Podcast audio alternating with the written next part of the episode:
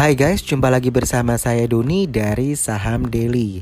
Kali ini kita mau membahas mengenai IPO dan Go Public. IPO sendiri itu kepanjangannya adalah Initial Public Offering. Kalau bahasa Indonesia-nya ya penawaran saham perdana ya.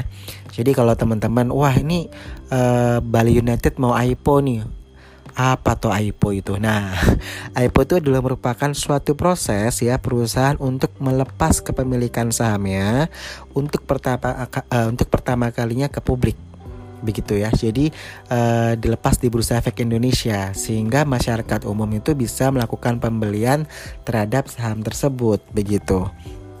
Nah, Ketika dia sudah listed di Bursa Efek Indonesia, biasanya kita sebut dengan go public. Jadi perusahaan yang sudah go public. Uh, biasanya misalkan ini PT ABC TBK. Nah, TBK-nya itu terbuka, artinya perusahaan tersebut bisa dimiliki oleh publik ya, bisa dibeli di uh, bursa ya melalui perusahaan sekuritas begitu.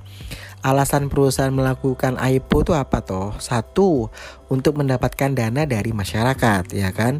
Tujuannya untuk ekspansi, misalkan dia mau bangun pabrik ya, atau dia ingin memperluas uh, perusahaannya di luar Jawa misalkan, atau dia mau buka uh, pabrik di luar negeri misalkan di ASEAN seperti itu ya.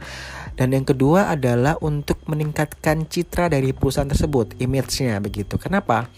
Karena ketika dia TBK ya, tentu uh, dia melakukan public expose ya, public expose terhadap satu misalkan rencana perusahaan, tantangan perusahaan, strategi perusahaan, target perusahaan, misalkan uh, perusahaan A target penjualan tahun ini naik 20%. Nah, itu kan dia harus komunikasikan dengan media massa ya. Mau itu media cetak maupun uh, media elektronik. Dengan begitu uh, ketika dia melakukan public expose ya itu sebagai suatu sarana marketing ya sehingga bisa meningkatkan citra dari perusahaan tersebut karena oh perusahaan ini nggak ada ada yang ditutup tutupin begitu ya di mana karena dia TBK ya dia harus transparan. Tentu ini akan meningkatkan uh, image dari perusahaan tersebut.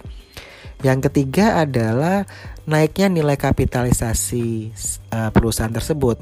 Hal ini berkaitan dengan kinerja perusahaan tersebut ya apabila perusahaan tersebut kinerjanya bagus ya selalu bertumbuh uh, kita bilang revenue-nya naik lalu laba bersihnya naik lalu uh, cash flow operasionalnya juga bagus ya kan dengan dengan tingkat hutang yang wajar tentu uh, pasar akan uh, merespon dengan uh, naiknya harga ya naiknya harga saham tersebut karena kita melihat bahwa oh ini kinerja perusahaan ini selalu bertumbuh begitu. Sehingga kalau kita bilang sebagai investor ya tentu akan membidik atau akan membeli saham-saham yang dengan uh, fundamental yang baik dengan kinerja yang baik.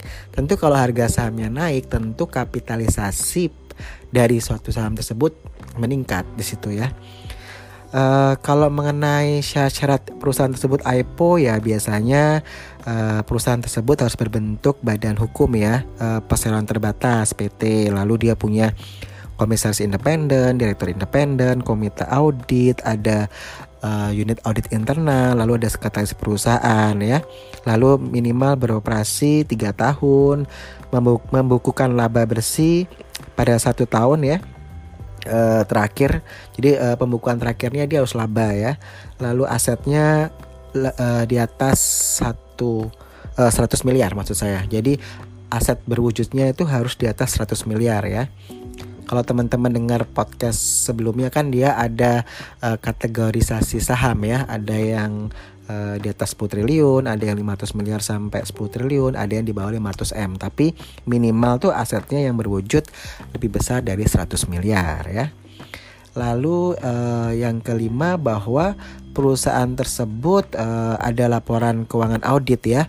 Uh, jadi laporan audit uh, laporan keuangannya diaudit uh, selama lebih dari tiga tahun. Lalu uh, dengan opini laporan keuangan audit yang wajar tanpa pengecualian tanpa pengecualian ya itu selama dua tahun terakhir. Jadi biasanya kan laporan keuangan tahunan mereka itu uh, diaudit ya oleh uh, kantor akuntan publik ya. Kita uh, biasa kenal dengan LHA laporan hasil audit. Nah itu biasanya uh, kantor akuntan publik akan memberikan opini ya pendapatnya terhadap laporan keuangan yang mereka audit biasanya yang harus tuh yang wajar tanpa pengecualian ya itu Nah, seperti teman-teman ketahui di 2019 ini uh, emiten yang ada di Bursa Efek Indonesia itu di kisaran 630-an saham ya.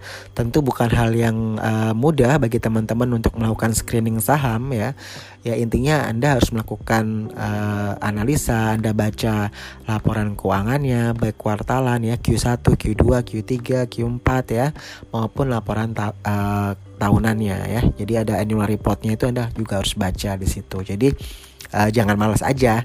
Uh, setelah anda screening oke okay, saya mau yang LQ45 oke okay, dari LQ45 ini saya screening lagi. Uh, dari 45 saham saya mau ambil cuman misalkan 10% ya atau cuma 5 saham saja. Nah 5 saham saja ini kalau saya sarankan kalau bisa dari sektor yang berbeda-beda begitu ya situ. Jadi ya itulah salah satu triknya ya untuk uh, memilih saham. Oke okay?